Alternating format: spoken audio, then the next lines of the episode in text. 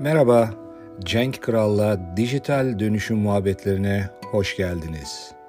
Dijital dönüşümdeki değişik konuların ele alındığı, dijital dönüşüme ışık tutan ve deneyimlerin paylaşıldığı podcast'in yeni bölümüne hoş geldiniz. Bugün dijital dönüşümde adı çok sıkça geçen ama pek de anlaşılamayan bir konuya değineceğiz. Konu dijital rahatsızlık. Evet, iki kelimeli bir e, cümle.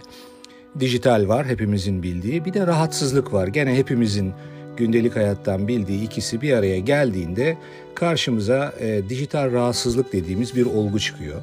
Ama gerçek anlamda dijital dönüşüm projelerinde ne demek bu dijital rahatsızlık olayı? Biraz bunu konuşmak istiyorum bugün. Kısaca bir şirketin ya da kurumun dijital dönüşümü geçmesini tetikleyen ve şu andaki e, durumuna bir risk oluşturan e, durumlar ya da oluşumlar olarak ele alıyoruz dijital rahatsızlık konusunu. Belki e, bu durum e, o pazara yeni girmiş bir oyuncunun getirdiği yeni bir iş modeli sonucunda meydana çıkan bir iş yapma tarzı olabilir. Ya da bu yeni oyuncunun ya da firmanın sunduğu yeni ürünler olabilir.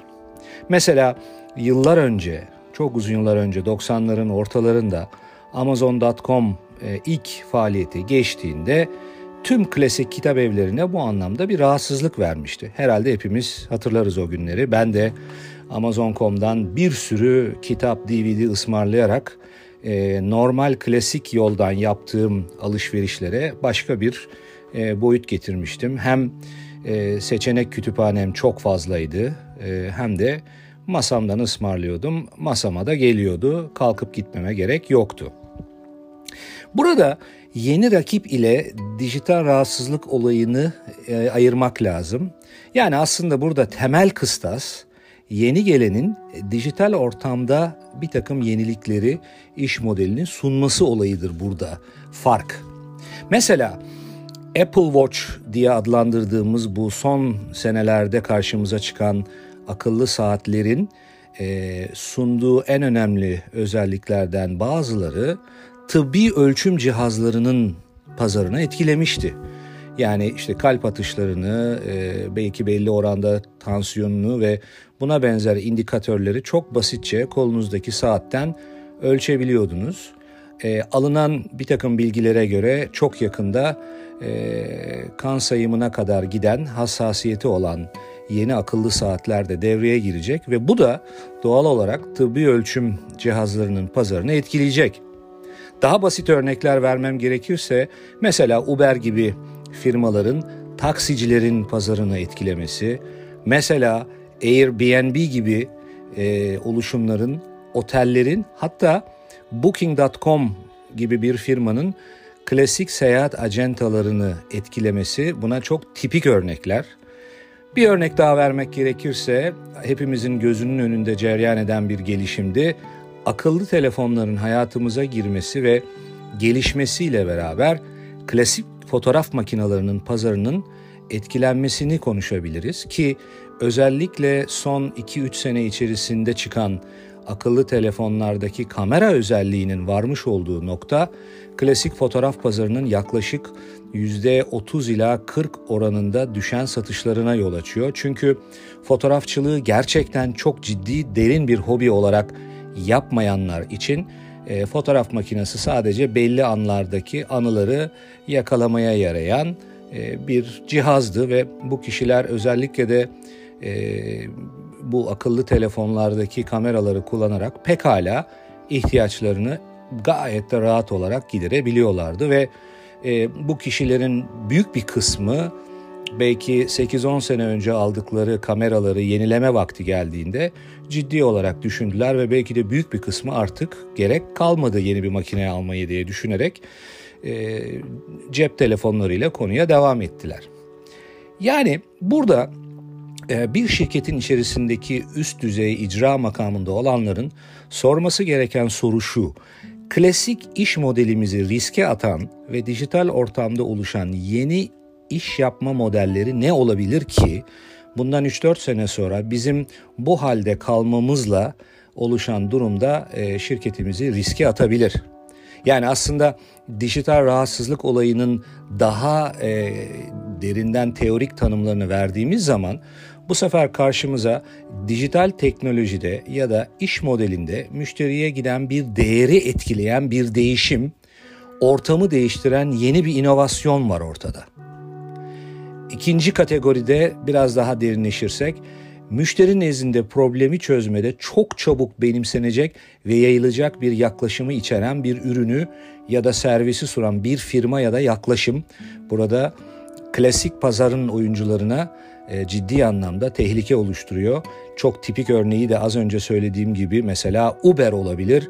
E, Uber gibi bir firma çıkarak e, taksi bulma ama hem de bulduğunuz taksinin kaliteli, temiz, hizmeti de gayet etkili bir şekilde verdiğini düşünürsek aynen burada söylediğim gibi buradaki sunum klasik taksi şoförü olarak hareket edenlerin pazarına çok ciddi bir tehlike yarattı. Çünkü çok çabuk benimsendi ve yayıldı.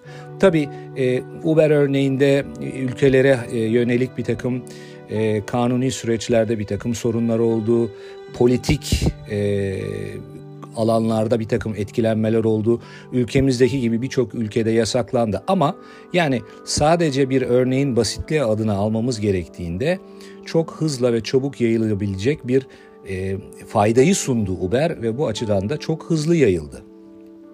Yani aslında günün sonunda müşteriye sunulan koşulların daha iyi ya da daha çekici olması adına e, firmalarda tam anlamıyla iş modelini kökten değişimini gerektiren, sarsan bir rahatsızlık ortamından bahsediyoruz. Bugün gerçekten de dijital dönüşümü e, ele aldığımızda firmaların yaptığı en önemli e, yanlışlık konuyu dijital projelerle buluşma şeklinde almak. Evet günün sonunda mutlaka dijital teknolojinin e, üretimi olan bir takım e, teknolojiler, işte gadget dediğimiz aygıtlarla buluşan projeler tabii ki olacak ama esas tetik sebebinin bu olmaması lazım. Yani her şeyden önce e, bir şirketin CEO'sunun, işte yönetim kurulu başkanının, yönetim kurulunun temel anlamda düşünmesi gereken dijital dönüşüme nereden başlamalıyız konusunda ilk ele alınması gereken konu dijital rahatsızlık alanlarının e, gayet sistematik bir şekilde tespit edilmesi ve karşılarında dijital rahatsızlık olarak beliren alanlardan hangisinin e, kendi şirketine ciddi anlamda ve kısa vadede etkisi olabileceğini, ne tür bir etkisi olabileceğini anladıktan sonra bu rahatsızlığın giderilmesi için mevcut durumdaki iş modelinin nasıl değişeceğini düşünmek lazım. Tabi burada karşımıza eğer iyi bir e, dijital rahatsızlık alanı analizi yapılırsa hemen arkadan gelen ikinci konu da peki bundan dolayı nasıl bir yeni iş modeli ortaya koymamız lazım ve bu yeni iş modeline de aslında e, bu pazarda dönüşümsel iş modeli diyorlar. Bununla ilgili ayrı bir podcast yapacağız. Orada da ele alınması gereken enteresan farklı konular var. Ama şimdi e, konumuzu dağıtmamak adına oraya girmiyorum. Şu anda sadece rahatsızlık alanlarını konuşuyoruz. Özetle bu noktada e, bir şirketin temelde hangi dijital rahatsızlık alanıyla karşı karşıya olduğunu anlaması çok önemlidir. Burada tabii e, klasik anlamdaki e, dijital rahatsızlık alanlarını ele aldığımızda hani popüler alanda çok örnek, basit örneklerden gidecek olursak mesela yine aklıma gelen bir örnek Netflix'in esasında e, eğlence pazarında oluşturduğu e, etkiydi. E, Netflix geldiği andan itibaren kablolu televizyondan sinema dünyasına kadar hemen her alanı etkiledi. Ama zaman içerisinde Netflix'in ortaya koyduğu modeli kendi içinde ele alıp benzer modelleri ortaya koyan başka Netflix vari ortamlar oldu. Mesela Amazon e, çıktı ve Amazon Prime'ı getirdi. Ama aynı şekilde de bu e, televizyon yapan firmalarla Netflix'in işbirliği noktasına gelmesi gibi bir etkiyi de oluşturdu. Yani esasında her dijital rahatsızlık alanı ilahi nihayet kalıcı bir rakip değil. Aslında bu ileride pazarda bir ortak hareket etme tarzını da bir yere getirebilir.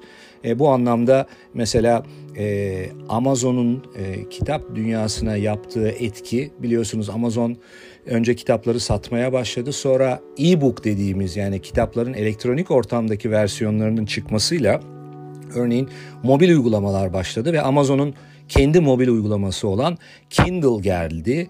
E, Kindle'dan bir müddet sonra e, gene Amazon'un e, kitabın sesli versiyonlarını yayınladığı e, Audible gibi sesli kitap uygulamaları devreye girdi. Fakat geçtiğimiz birkaç sene içerisinde gözlenen başka bir etki de e, Amazon gibi oluşumlar sayesinde esasında kitap pazarında da tekrar bir hareketlenme başladı.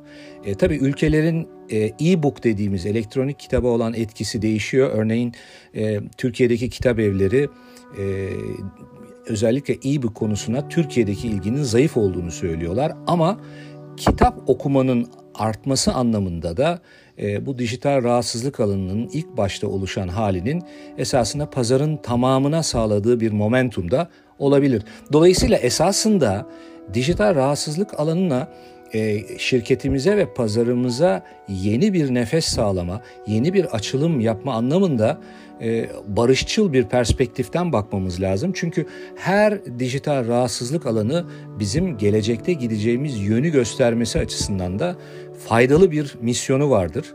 Dolayısıyla dijital dönüşümü gerçek anlamda rahatsızlık analizini yapmadan girdiğimiz zaman e, bu podcast serilerinin en başında belirttiğim e, dijital dönüşümdeki dönüşüm olgusunu unutup dijitalleşmeye verilen yanlış bir önem şeklinde algılanması gibi bir durumu da e, engellemiş oluyoruz. Çünkü dijital rahatsızlık alanını belirledikten sonra bunun hangi iş modelleriyle ilerlemesi gerektiğini saptayarak ondan sonra bu iş modeline destek verebilecek uygun dijital teknolojiler, oluşumlarla da konuya girmek faydalı olabilecektir. Tabii bunu söylerken çok basit, popüler örnekler, herkesin hayatındaki örneklerden girdim ama e, benim şahsen içinde bulunduğum e, Türkiye'deki bir projede çok büyük bir madencilik şirketinin dijital dönüşüm projesine dahil olmuştum ve orada e, projeyi ele alırken şunu anladık ki bir madencilik şirketinin gerçek anlamda rahatsızlık alanı e, yapılan maden aramalarının, madencilik eforlarının gerçekleştiği yerlerdeki verimin ne olduğunu önceden anlayabilme olduğunu öğrendik. Dolayısıyla da e, IoT dediğimiz Internet of Things, internet nesneleriyle oluşan teknolojilerin sunduğu imkanlar bir madencilik şirketinin esasında dijital dönüşümünü şekillendirdiğini gördük. Ve de bunları ele aldığımız zaman da evet belki de dijital dönüşüm olgusunun bir perakende şirketine e, ya da bir restoran zincirine olan etkisiyle bir madencilik şirketine olan etkisi farklı olacaktı. Ama burada örneğini sunduğum madencilik şirketi kendi rahatsızlık alanlarını rakip konumda olup IoT teknolojilerini kullanarak e, o madenden o gün nasıl verim elde edeceğini düşünerek kendi müşteri kitlesine bu verimi vaat ederek oluşturduğu bir pazar modelinin e, çok önemli olduğunu anlayarak o zaman IoT ile ilgili teknolojilerin yeni iş modelinin içerisine e, sokulması gibi bir yolu tercih ettiler.